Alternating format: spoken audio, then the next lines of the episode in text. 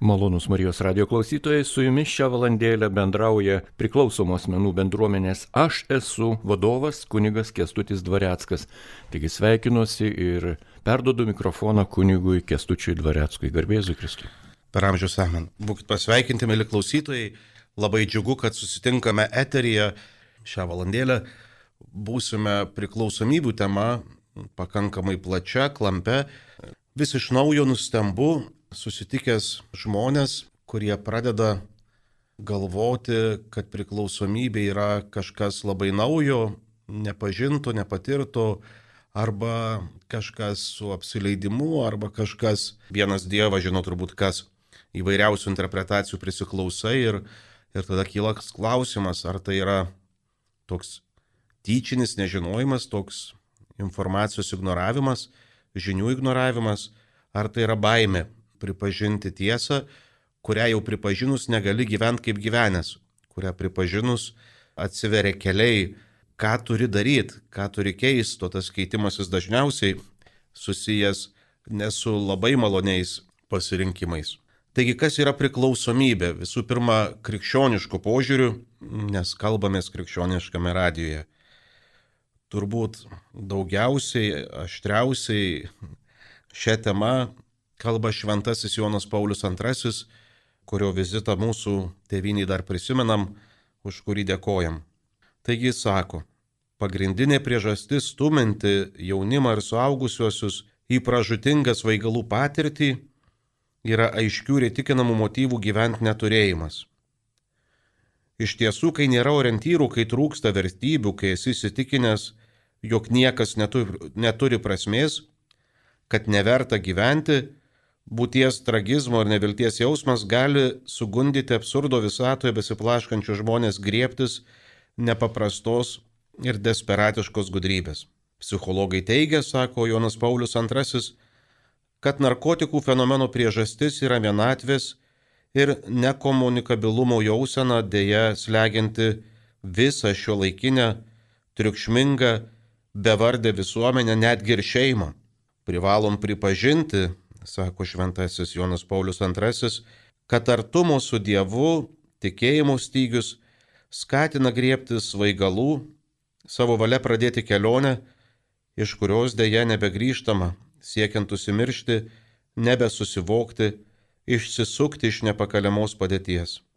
Esama ir kito motyvo, kuris verčia ieškoti įvairiuose narkotikuose dirbtinio rojaus tai netobula visuomenės struktūra, kuri neteikia pasitenkinimo. Narkomanija turi būti vertinima kaip nesėkmingo gyvenimo savo vietos visuomenėje neradimo, baimės dėl ateities ir bėgimo į dirbtinį iliuzijų pasaulį, siekiant tai pamiršti simptomas. Svaigalų rinkos ir vartojimo augimas rodo, kad gyvename pasaulyje, kuris tokoja vilties, kuris neturi stiprių žmogiškų bei dvasinių pamatų.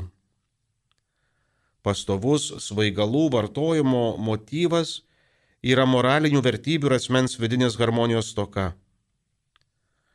Jonas Paulius II prekiaujančius kvaišalais vadina mirties pardavėjais ir primena, kad taip įsivysto lyga. Lyga, su kuria grumtis negalime po vieną. Lyga, apie kurią jau yra pakankamai daug žinių.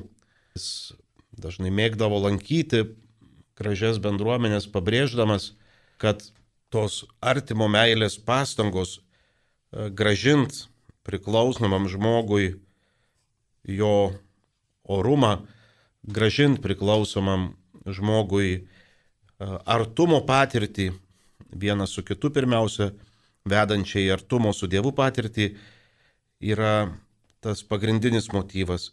Jis sako, kad bažnyčia neturėtų tenkintis vien pasiekmių e, naikinimu. Jis sako, Jonas Paulius II, cituoju, bažnyčios atsakas priklausomybei, vilties kelbimas ir pagalba, nes jai rūpi ne tik simptomai ar asmens elgsena, nes įkreipęs į pačią žmogaus širdį. Bažnyčia nepasitenkina vien noru išgydyti negalę, o siūlo rinktis gyvenimo kelią. Ypatingai svarbu pagelbėti priklausomiems, palydint juos į žmogiškojo rumo atradimą bei jo atgavimą. padėti jiems kaip aktyviems subjektams atgaivinti bei ugdyti savo asmeninius išteklius, kuriuos buvo nuslopinę svaigalai, o tai pasiekti įmanoma tik gražinant pasitikėjimą savo valia orientuotą į tikrus ir kilnius idealus. Stačiatikių metropolitas Antonijus susirožo apie priklausomybių fenomeną iš krikščioniškos pusės kalba taip. Daug metų dirbau gydytoju, taip pat ir psichiatrijos ligonėje, skaičiau literatūrą, giliau domėjausi, kas tai yra. Esu tvirtai įsitikinęs, kad alkoholizmas, kaip ir narkomanija, tai lyga, organizmo pažeidimas. Su šia lyga būtina grumtis dviem lygmenimis. Viena vertus stiprinti dvasę, dvasinį gyvenimą, kita vertus gydyti kūną. Juk jei žmogui sužeista koja jūs melzdamiesi už jo sveikatą, tuo pat metu jam rekomenduojate naudoti ramentus.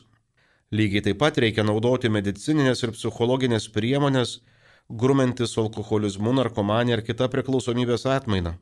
Tiesa, galiu dar pasakyti, kad tai lyga, kuri gali virsti nuodėmė, jei ją abejingai reaguotume ir sakytume, na kągi aš galiu padaryti. Mes viską labai lengvai paverčiame nuodėmę.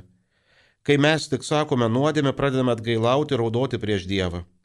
Tačiau šiuo atveju kur kas svarbiau, mano manimu, sakyti, gerai, tame yra ir nuodėminga pusė. Tačiau yra ir fiziologinė susijusi su lyga. Ir būtent tai galiu bandyti spręsti. Nieko nedaryti tai nuodėminga. Su lyga mes turime grumti. Aš tvirtai tikiu, kad dėkingumas nuveikia daug. Žinojimas, kad esame Dievo mylimi tokie, kokie esame, gali įkvėpti labiau nei raudojimas prieš jį, kad esame blogi. Mano galva nuodėmingumo akcentavimas, kai sergam alkoholizmo ar narkomanijos lygomis, menkai te padeda. Labai svarbu kitų žmonių parama. Kraštuose, kur gyvenu, daug padeda savipagalbos grupės, kur ligoniai vienas kitą palaiko, viešumoje žmogus nedrįsta gėdėsi svarstyti savo lygos detalės, problemas, su kuriamis susiduria ir jis pradeda slėptis. Kai žmogus atsiduria tarp tokių kaip ir jis, gali atviriau pasakyti, taip ir aš geriu, taip ir aš vartoju narkotikus. Jau vien tai, kad jis gali ištarti garsiai, suteikia galimybę stoti problemos akivaizdon ir gauti reikiamą pagalbą. Svarbu, jog savipagalbos grupėse, sako Antonijus Įsirožo, jau yra tokių žmonių, kurie gali paliudyti savo pavyzdžių. Jis gali tarti, ir aš buvau vergas, bet išlaisvintas. Stengiuosi susidoroti su šia problema ir džiaugiuosi matydamas, kad tai įmanoma. Kai tik žmogus pajunta viltį, jis įgauna papildomų jėgų. Dar vienas svarbus dalykas sako stačiatikių metropolitas, kurį visuomenė turi suprasti, kadangi tai lyga, ligonių nevalia atstumti. Pavyzdžiui, aš pats jaučiu, kaip senstu ir su kiekvienais metais galiu nuveikti vis mažiau. Baiminausi, kad už tai būsiu smerkiamas ar net niekinamas, tačiau taip neįvyko priešingai. Pradėjau sulaukti vis daugiau pagalbos, nieks nesipiktino, kad per liturgiją, pavyzdžiui, atsisėdu. Negalima niekinti žmogaus dėl jo lygos, taip tik galima jį sunaikinti. Nes atstumimas, panieka žudo viltį, kuri yra grįžimo į gyvenimą pamatą. Turime padėti žmogui skleisti jo nepakartojimą vidinį pasaulį. Susipažinkime su juo, pakalbėkime, palaikykime, pabandykime sudobinti, pajusti, kas jį galėtų patraukti. Tokia turėtų būti mūsų socialinė tarnystė. Ir ši tarnystė labai svarbi mūsų bažnyčiai. Vien poros tikrai tikėjimo vyrų liudijimų, manau, pakanka, kad nepradėtumėm apie priklausomybę kalbėti tik kaip apie e, bevališkumą, tik kaip apie nuodėmingumą. E, jie abu, kaip ir daugybė kitų tikinčių žmonių, kviečia pripažinti priklausomybės ne tik dvasinį dėmenį, kuris žinoma, kad egzistuoja, e, bet ir fiziologinį, psichinį ar socialinį. Priklausomybė yra lyga. Nėra tokia nauja lyga, kaip kad norėtųsi mums save teisinant nieko nekeisti. Lyga kaip ir visos kitos. Kai jauti kaltę ne už tai, kad susirgai, bet už tai, kad nesigydai. Džiaugiuosi, kad sulaukėme trumposios žinutės. Klausome. Klausytojas rašo, ar yra tokių žmonių, kuriems niekada griežtai negalima vartoti šnapso? Jei yra, gal jų pase turėtų būti įrašyta kaip kraujo grupė? Labai ačiū už klausimą. Žinoma, kad yra žmonių, nemaža dalis žmonių, kuriems nederėtų liestis prie svaigalų. Ar tai būtų jūsų įvardintas alkoholis, ar kiti kvaišalai.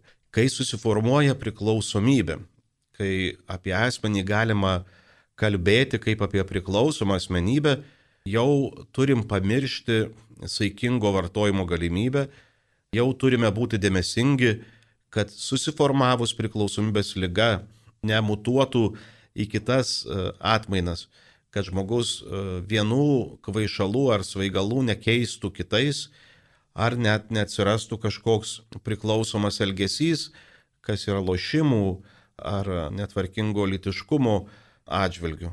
Tai žinoma, kad yra žmonių, kurie labai aiškiai suvokia, jog nėra situacijų, kurioje galėtų e, saikingai svaigintis.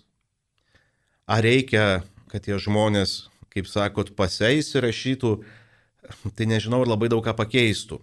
Apart to, kad galbūt sulauktų dar daugiau visuomenės e, dėmesio, kuris nebūtinai yra adekvatus ir sveikas arba krikščioniškas. E, nemažai, kai kalbam apie priklausomybę, susidurėm e, su stigmatizacija, su paniekinimu, kas tik apsunkina priklausomam žmogui prisipažinti sergant. Tai manau didesnis pasiekimas e, būtų, jei žmogus tą žinę, kad jis serga priklausomybę, tą žinę, e, kad jam svaigalai yra pavojingi, iššaukia reakcijas, kurių jūs niekada negalėsite kontroliuoti, įsirašytų savo širdį ir su jie susigyventų, susitaikytų ir tada tikiu, kad įvairiose situacijose, net tose, kur paso neprašo, žmogus išliktų sveikimo pusiai. Ačiū už klausimą, turim dar. Per kiek laiko galima pasveikti jūsų bendruomenėje 30 metų vyrui? Labai ačiū už klausimą. Bendruomenė aš esu viena, yra viena iš reabilitacinių bendruomenių mūsų krašte. Labai kalbant apie reabilitacijos bendruomenės, norisi pabrėžti skirtumą tarp licenzijuotų reabilitacinių bendruomenių ir kitų bendruomenių, kurios taip pat save vadina reabilitacinėmis bendruomenėmis, bet tuo pat metu bijo patikrinimų, tuo pat metu neturi programos, kurią galėtų mokslininkai ar praktikai įvertinti. Tai Lietuvoje mes, mūsų bendruomenė labai prašym ir labai džiaugiamės, kad tai įvyko nuo 2015 metų. Narkotikų kontrolės ir alkoholio departamentas licenzijuoja reabilitacinės bendruomenės. Jų visą sąrašą, kuris nuolat pildomas naujomis bendruomenėmis, kuris atitinka bent minimalius standartus, atitinka e, mokslo žinias, tiek teologijos, tiek psichologijos, tiek, tiek viso mokslo žinias, galima visuomet pasitikrinti ntakd.lt puslapyje paspaudus nuorodą priklausomybių reabilitacinės bendruomenės tai tame sąraše atrasit ir mūsų bendruomenę, kurie tarnauju. Deja, nesam pajėgus atliepti į tą didžiulį poreikį, į tą didžiulį srautą prašančių, bet e, stengiamės daryti, ką galim ir priimam žmonių. Visada pas mus yra truputį daugiau nei 20 žmonių. Tai mūsų bendruomenės programa, kuri yra patvirtinta tiek mokslo, tiek praktikos, veikiam jau 12 metus. Tai mūsų bendruomenės programa trunka minimum 7 mėnesius, bet žvelgiam individualiai ir kartais kviečiam žmogų tęsti sveikimą dar neišsikraustant iš po mūsų stogo. Visus kviečiam tęsti sveikimą ir toliau palaikom sveikime, sulaukiam ypač ne karantino metu dažnai savo absolventų kurie yra įkvėpimas kitiems, naujai atėjusiems. E, sulaukiam jų savo renginiuose, maldose, sekmadienio šventime ar pietuose. Mm, sulaukiam jų taip pat ir konsultacijose pas, pas mus dirbančius specialistus. Tai stengiamės palaikyti ir toliau. bent pirmosius porą metų. Šiaip psichologai, jeigu gerai pamenu iš konferencijų, tai jie kalba apie priklausomybę sergančių žmonių tokį nuoširdesnį, nuoseklesnį palydėjimą pirmus porą metų, per kuriuos galima padėti žmogui e, sugrįžti į save ir pajustą aš esu, pajustą Dievo kūrinį, atrasiu juo taiką, e, pradėti juo rūpintis. Tai tikrai nėra greitų kelių. Žinoma, yra Minnesotos programa, jeigu ją esat e, domėjęs ar girdėję, visam pasaulyje paplitus, tikrai paveiki. Ji trunka dažniausiai mūsų krašte tai tik keturias savaitės, kokioje Amerikoje, kurioje yra gimus, tai trunka ir iki trijų mėnesių. Tai toks vadinamas biopsichosocialinis modelis, tai reiškia ne vaistais gydomas žmogus. Ir tada jinai trunka Lietuvoje keturias savaitės. Ir kai kuriems tai yra puikiai įžanga. Bet čia žinot, tai nėra chirurgija, kad mums užmygus ar mums užmygdžius galima išspręsti kažkokią problemą. Tai yra dvasios lyga, tai yra sielos lyga, tai yra psichikos lyga, kur žmogaus nuoseklus, geranoriškas dalyvavimas yra būtinas. Mes ir pas mus ateinantiems žmonėms nepažadam, kad, kaip jūs vat klausite, per kiek galima pagydyti. Mes sakom, kad mes negalim tavęs pagydyti, Mes e, galim tau pasiūlyti savo pagalbą, palaikymą, užnugarį, žinias, patirtį, bet e, keliauti tuo pokyčių keliu teks tau. Tai ačiū už klausimus. Turime dar vieną žinutę. Klausytojas klausia, ar alkoholio gamintojai valstybinės įmonės duoda jums pelno dalį jūsų bendruomeniai, gydant jų darbo pasiekmes? Ačiū už klausimą, garsiai dažnai apie tai kalbama, reklamuojama ir dažnai ir valstybė mėgsta sakyti, kad keldami akcizus e, kvaišalams, kurie, kurie, kuriais prekiauja valstybė legaliai, tikrai e, skirs dalį e, priklausomybių gydimui. Tai tikrai noriu labai nuoširdžiai, be jokių ten įsisukinimų pareikšti, kad kol kas ta parama nepasiekė nei vieno cento pavydalu. Mes kartais kai girdim tas visokias žinias ir, ir, ir, ir anonsus, kad čia tuoj, tuoj pradės gamintojai ar, ar, ar valstybė, kuri renka akcizus rūpintis priklausomybių gydimu, tai vieną kartą mums kilo mintis tokia juokinga, sakom, gal reikia alkoholio skyriui pastatyti aukų dėžutės, kad tie, kurie dar gali gerti, atjaustų tuos, kurie jau nebegeria. Tai tikrai nėra tokios pagalbos valstybiniu mastu kas liečia nevyriausybininkus. Lietuvoje, kas liečia ir valdžios institucijas, dar tik mokomasi ir dėja labai lietai mokomasi į nevyriausybinės organizacijas, tokias kaip vat, Karitas, viešosios įstaigos ar kitos bendruomenės ar labdaros paramos fondai, žiūrėti ne kaip į kažkokius antrarūšius. Vis dar susidurėma, pavyzdžiui, kad ten ir priklausomybių prevencijos komisijos pirmininkės leidžia savo nepagarbiai atsiliepti apie nevyriausybininkus, kaip neva apie nemokslų grįstus ar ten. Tai galbūt ten į Respublikinio priklausomybės lygų centro reformas yra kažkas ten investuojama, bet tų frontinių darbuotojų ta pagalba nepasiekia. Dar kart nuoširdžiai dėkoju visiems, kurie klausėt, jūs pagyvinote šitą sustikimą, suteikdami jam kryptį. Dabar kviečiu visus trupučiuką pabūt su tuo, ką jaučiam, su tuo, ką girdim, įsiklausyti taip pat į klausimus, kurie galbūt gimsta, ar prieštaravimus, kurie gimsta. Kviečiu drauge melstis, klausant e, giesmės mes kartu, kuri tapo mūsų bendruomenės himnu, kurioje mes dėkojam Dievui už tuos žmonės, su kuriais būdami kartu jaučiam, kad gimsta viltis, jaučiam, kad gimsta ateitis, kad, kad gyja įvairūs užgyventi nesusipratimai. Tai šią giesmę kūrė Martinas Kuleva, o atliko bendruomenės nariai ir šaunioji bendruomenės bičiulė Kristina Žaldokaitė.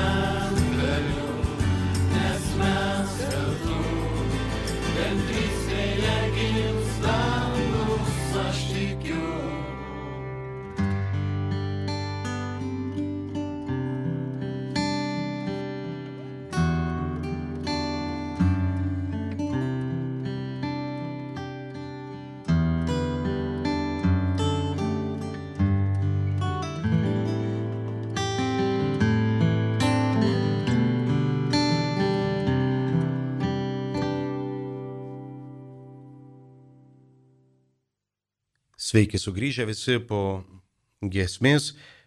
Susitikime kalbam apie priklausomybių ligas. Kol kas trumpai aptarėm, kas yra priklausomybė krikščioniškų požiūrių, ką kalba Šventasis Jonas Paulius II, metropolitas Antonijus. Kalbam apie tai, kas aktualu.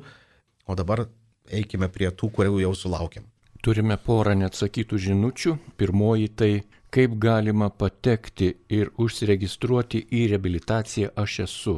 Noriu viską sužinoti plačiau apie tai. Labai ačiū už klausimą. Nenorėčiau susiaurinti mūsų susitikimų, kalbant vien apie vieną bendruomenę, lyg ji būtų kažkokia vienintelė ar nepakartojama. Dėl to prieš giesmę kalbėjau apie tą bendruomenių sąrašą, kurios visos pasiruošę atvert savo duris visiems ieškantiems išeičių.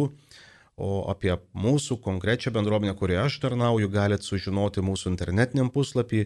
Aš esu bendruomenė.lt, skirelėje DUK, dažniausiai užduodami klausimai.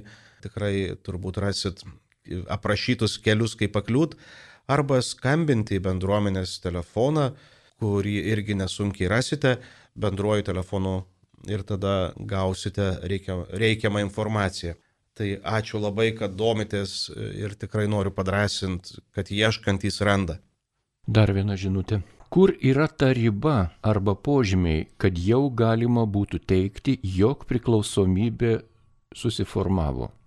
Ačiū labai už klausimą. Žinot, priklausomybė būna tokių dviejų pogrupių, taip liaudiškai išnekant, vengiant kažkokių mokslinių terminų ar gudrybių. E, tai būna cheminė, kai žmogus vartoja tam tikrą chemiją ir tampa priklausomas, ir būna elgesio priklausomybė. Tai cheminės priklausomybės diagnozuot gali, visas priklausomybės diagnozuot gali psichiatrai, būtų gerai, kad turintys žinių ir kompetencijų, o ar e, mums jau reikėtų eiti pasikalbėti apie tai su specialistu, galime aišku atsakyti patys savo, atlikdami e, daugybę testų, kurių galite rasti nesunkiai internete ir pasižiūrėti, ar mūsų kvaišalo kokio nors vartojimas jau yra e, lyguistas, jau yra e, keliantis pagrįstą nerimą ir tada galima eiti kalbėtis. Tai tų tikrai sąrašų rasit, taip jau grubiai išnekant, pavyzdžiui, su, nuo alkoholio, jeigu kalbant, tai kai žmogui atsiranda taip vadinama liaudiškai pagirius, kad žmogus pagirių metu gali toliau svaigintis, gydytis tą pačią medžiagą, kurią apnuodėjo savo organizmą ir organizmas netmeta, tai jau mes kalbam ne apie polinkį, pomėgį, bet jau apie fiziologinį poreikį, kalbam jau apie fizinę priklausomybę. Tai tikrai labai labai drąsinčiau nebijot eiti, e, klausti, e, kalbėtis, kuo anksčiau šiuopsim besiformuojančią priklausomybę, kuri, kaip ir kitos lygos, turi vairias stadijas, tuo galbūt mažiau intervencijų reikės ir tuo mažiau praradimų reikės. Aišku, kas liūdna ir ko negalim nutilėti kalbėdami priklausomybės, kad dažniausiai pats žmogus, kuriam formuojasi ši lyga, yra linkęs labai stipriai neikti, iš paskutiniųjų neikti, kad ta lyga jį liečia ir tas apsunkina tą sveikimo pradžią. Tai dar kart visiems labai ačiū už klausimus ir džiaugsiuosi, jeigu per likusias 10 minučių e, buvimo drauge šį rytą dar jau sulauksim. Kalbant apie priklausomybės, apie cheminės priklausomybės, e, tai tarp medžiagų mes kalbam apie e, legales medžiagas ir nelegales. Tai dėl nelegalių turbūt ilgai neišsiplėsiu, turbūt lengviau pripažinti, kad narkotinės medžiagos yra pavojingos, dėl to jos ir uždraustos, jos yra mirti nešančios, bet yra ir kitos medžiagos, kiti svaigalai, kurie yra legalūs. Ir kartais nutinka, kad žmogus galvoja, jog tai, kad legalu, reiškia nekenksminga. Tai norisi kažkaip pabrėžti, kad jokių būdų ne. Ir e, kalbant apie priklausomybės nuo legalių medžiagų, tai alkoholį turbūt visi matom, atpažįstam. Yra virš 600 naujų psichoaktyvių medžiagų, kurios nebrangios, kurios prieinamos mūsų jauniems žmonėms, kas, kas gazdina dirbančius specialistus, nes vartojimo laikai labai labai sutrumpėja, sužeistumai būna tik gilesni. Bet dar viena grupė, e, apie kurią turbūt rečiau susimastom, kai galvom apie priklausomybės, tai yra vaistai, kurių kiekvienas daugiau ar mažiau turim savo namų vaistinėlėse. Tai noriu pacituoti e, gydytojo Roberto Badaro mintis, tikrai nuostabaus mokslininko ir kilnaus praktiko mintis. Noriu pabrėžti, sako jis, kad vaisto nuo nuodos skiria tik vienas dalykas - dozė. Smegenų biochemijai tikrai nesvarbu, ar veikiantis produktas legalus, ar už jį sumokėti pinigai eina į valstybės biudžetą ar į narkotikų priekeivių banko sąskaitą. Smegenims nerūpi, ar tabletė buvo sukurta susuktai celofaną ar pakuotė iš farmacijos įmonėje. Pavyzdžiui, Junktinėje Amerikos valstijose nuo sintetinių opioidų, kurie yra legalūs medicamentiniai produktai, miršta penkis kartus daugiau žmonių nei nuo nelegalaus heroino. Suprantu, kad skamba paradoksaliai, bet privalome pripažinti, kad kai kurie narkotikai šiandien yra net mažesnė problema už pavyzdžiui Vikodiną, nuo kurio priklausomas pagrindinis realo daktaras Hausas herojus. Todėl nieko nuostabaus, kad net JAV, kur laisvoji rinka ypač saugoma, buvo pribota vaistų, skaitant Vikodiną gamybą. Sunku patikėti, žvelgiant į skaičius, kad nuo vaisto, kuris vadinamas legaliu, per metus miršta daugiau nei 40 tūkstančių žmonių. Todėl amerikiečių gydytojai vis garsiau kalba, kad jų didžiausia problema jau nebe narkotikai, bet receptiniai sintetiniai vaistai. Ir e, daugiau apie gydytojo Roberto požiūrį į vaistus e, galite paskaityti knygoje Nepasmerkti arba neseniai dalinausi webinaro įrašu, kur nuostabi gydytoja skyriaus vedėja iš Lasdynų Gabija Laubner kalba apie vaistus ir kada turėtumėm sunerimti, kada jau vaistas tampa nuodu, o gydytojas Robertas Badaras kalba apie naujas psichoktyves medžiagas. E, tai tie, kas e, naudojate socialiniais tinklais, mano Facebook'o paskyroje galit nesunkiai atrasti tą nuorodą ir prasukę ten tos konferencijos visas įžangas, bent tas dvi paskaitas tikrai išklausyti, jomis stipriai praplėsim e, savo žinias ir akiratį. Sulaukime žinučių. Turime porą žinučių. Pirmoji, kiek kunigų kaip jūs Lietuvoje dirba su nukentėjusiais nuo svaigalų? Visi kunigai daugiau ar mažiau prisiliečia prie priklausomos menų ir jų artimųjų.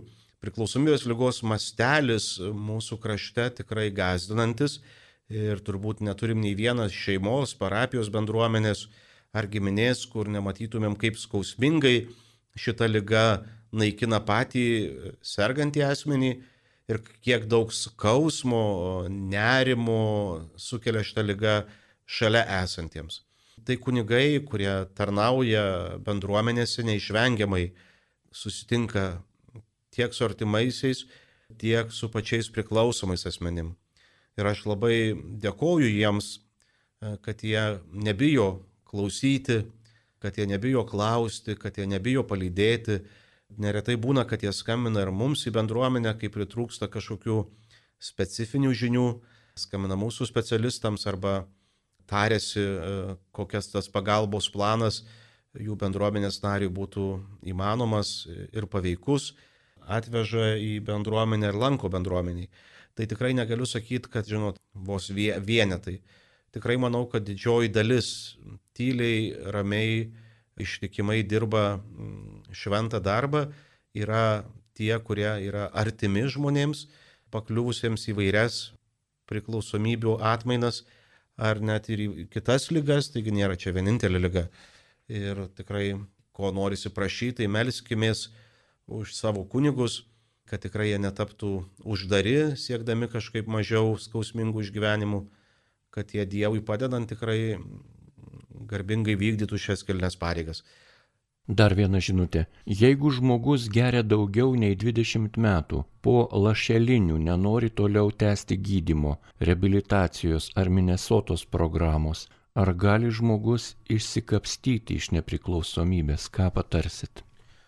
Ačiū už klausimą. Pats, toks, žinot, abstinencijos gydimas, nu, va, tų visų nutraukimo simptomų gydimas, ką daro detoksikacijos skyriui, dažniausiai, vat, kaip sakot, lašalinės arba atlašina, liaudiškai sakant, tai dar nėra gydimo kažkoks sėkmės garantas.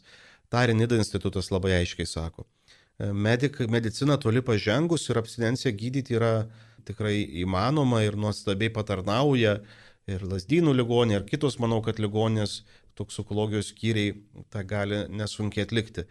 Bet čia yra tik tai starto linija jokių būdų ne finišo. Tai jeigu žmogus atsisako tęsti gydimą, tai aišku, kad tikėtis e, sveikimo yra ne visai adekvatu. Tikėtis pokyčio tiek aplinkiniams taip pat nederėtų, nes tai ves į dar didesnį nusivylimą. Ką norisi kažkaip gal drąsinti artimuosius, nes panašu, kad klausimas apie artimą žmogų Tai mes savo pirmą knygą gimusią bendruomenį, kurios jau nerasit, kuri vadinosi Sutemos tiršiausios prieš aušrą, tyčia tai pavadinom, primindami, kad tie 20 metų ar 30 metų nebūtinai yra jau nuosprendis, kad kitaip neįmanoma, bet reikia susitaikyti su lėta degradacija. Išeitis yra įmanoma. Tai labai noriu drąsinti artimuosius pačius kreiptis į savipagalbos grupės, vadinasi Alanonas, dabar pandemijos metu didžioji dalis grupių veikia internete, kreiptis į specialistus, kurie dirba su artimaisiais, e, kad aplinkiniai galėtų po pirmo to žingsnelio, po abstinencijos gydymo, po tų visų nemalonių išgyvenimų gydymo nutraukus kvaišalus, po lašalinių galėtų būti tai, tie stumokliai, kurie pastumė trupučiuką tolyn, kurie neleidžia grįžti atgal į vartojimą. Turime dar vieną žinutę. Taip, kunigė, liko tik minutė, bet vis tiek žmonės rašo, tai turbūt jiems skauda. Ko žmogui trūksta priklausomybei turinčiam ir ko daugiausia skundžiasi tokie žmonės? Oi, čia klausimas viršiantis tikrai minutės galimybės. Truputį Jonas Paulius II, bet kalbėjo, ką šiandien citavau, tai apie viltį, apie prasme, apie saugumą, apie artumą. Labai tokių pamatinių dalykų, tos pačios savivertės, ten su žiburiu nerasi. Tai trūksta labai daug pamatinių dalykų ir dėl to tas sveikimas tikrai nereiškia tik nevartojimo. Nevartojimas yra tik sąlyga sveikimui, bet ne, arba sudėdamoji sveikimo dalis įžangai sveikimą, bet jokių būdų ne, ne pats sveikimas. Tai daugiau sakau apie sveikimą, ar ko žmogui trūksta, galima rasti knygoje nepasmerkti. O šiandienos sustikimą, kur labai dėkoju, kad sulaukėm tiek daug jūsų žinučių, norėčiau užbaigti mūsų Vilniaus metropolito Gintaro Grušo padrasinimais. Jis sako, cituoju, Todėl drąsinu kiekvieną išgyvenantį priklausomybės kančią melstis ir kreiptis pagalbos į šalia esančius. Ieškokite pagalbos ir ją prieėmę, išeikite iš izolacijos ir vienatvės į gydančią bendrystę su Dievu ir su žmonėmis. Brangus priklausomų asmenų šeimų nariai ir artimieji, jūs tapote savo sergančių artimųjų kančios dalininkais tačiau meilė negali vesti jūs į sklendimą. Pažvelkime į mūsų išganytoją. Jis nesigėdėja savo žaizdų, bet leidžia prie jų prisiliesti, žinodamas, kad žaizdos įgytos dėl meilės galų gale tampa gydančios Dievo malonės šaltiniu. Ir jūsų žaizdos gali būti perkeistos. Pasitikėdami išganingą Dievo pagalbą, ieškokite atramos savipagalbos grupėse pas specialistus ir nuoširdžiai melzdamiesi. Tai arkivyskupo padrasinti, užbaigim šį sustikimą maldą. Dėkojame tau ištikimasis Dieve už didžius tavo meilės darbus mūsų širdyse ir gyvenimuose. Šloviname tave už žmonės, kurių rankomis teiki mums pagalba. Drąsinki mus visus gailestingoji meilė atsiverti tau, kad mūsų darbais ir pasirinkimais galėtum artintis prie sužvarbusių širdžių. Tau šiandien šią akimirką atnešame priklausomų asmenų ir artimųjų skausmą, bejėgystę ir neviltį. Leisk jiems viešpatie patirtą vortumą, pakreipk įgyjimo kelią. Tikime beribių tavo gailestingumu ir melžiame. Leisk visiems, nuo priklausomybių mirusiems, švesti gyvenimą tavo karalystėje. Amen. Malonus Marijos radio klausytojai, jūs girdėjote laidą, kurioje jums kalbėjo priklausomų asmenų bendruomenės Aš esu vadovas kunigas Kestutis Dvareckas. Likite su Marijos radiju.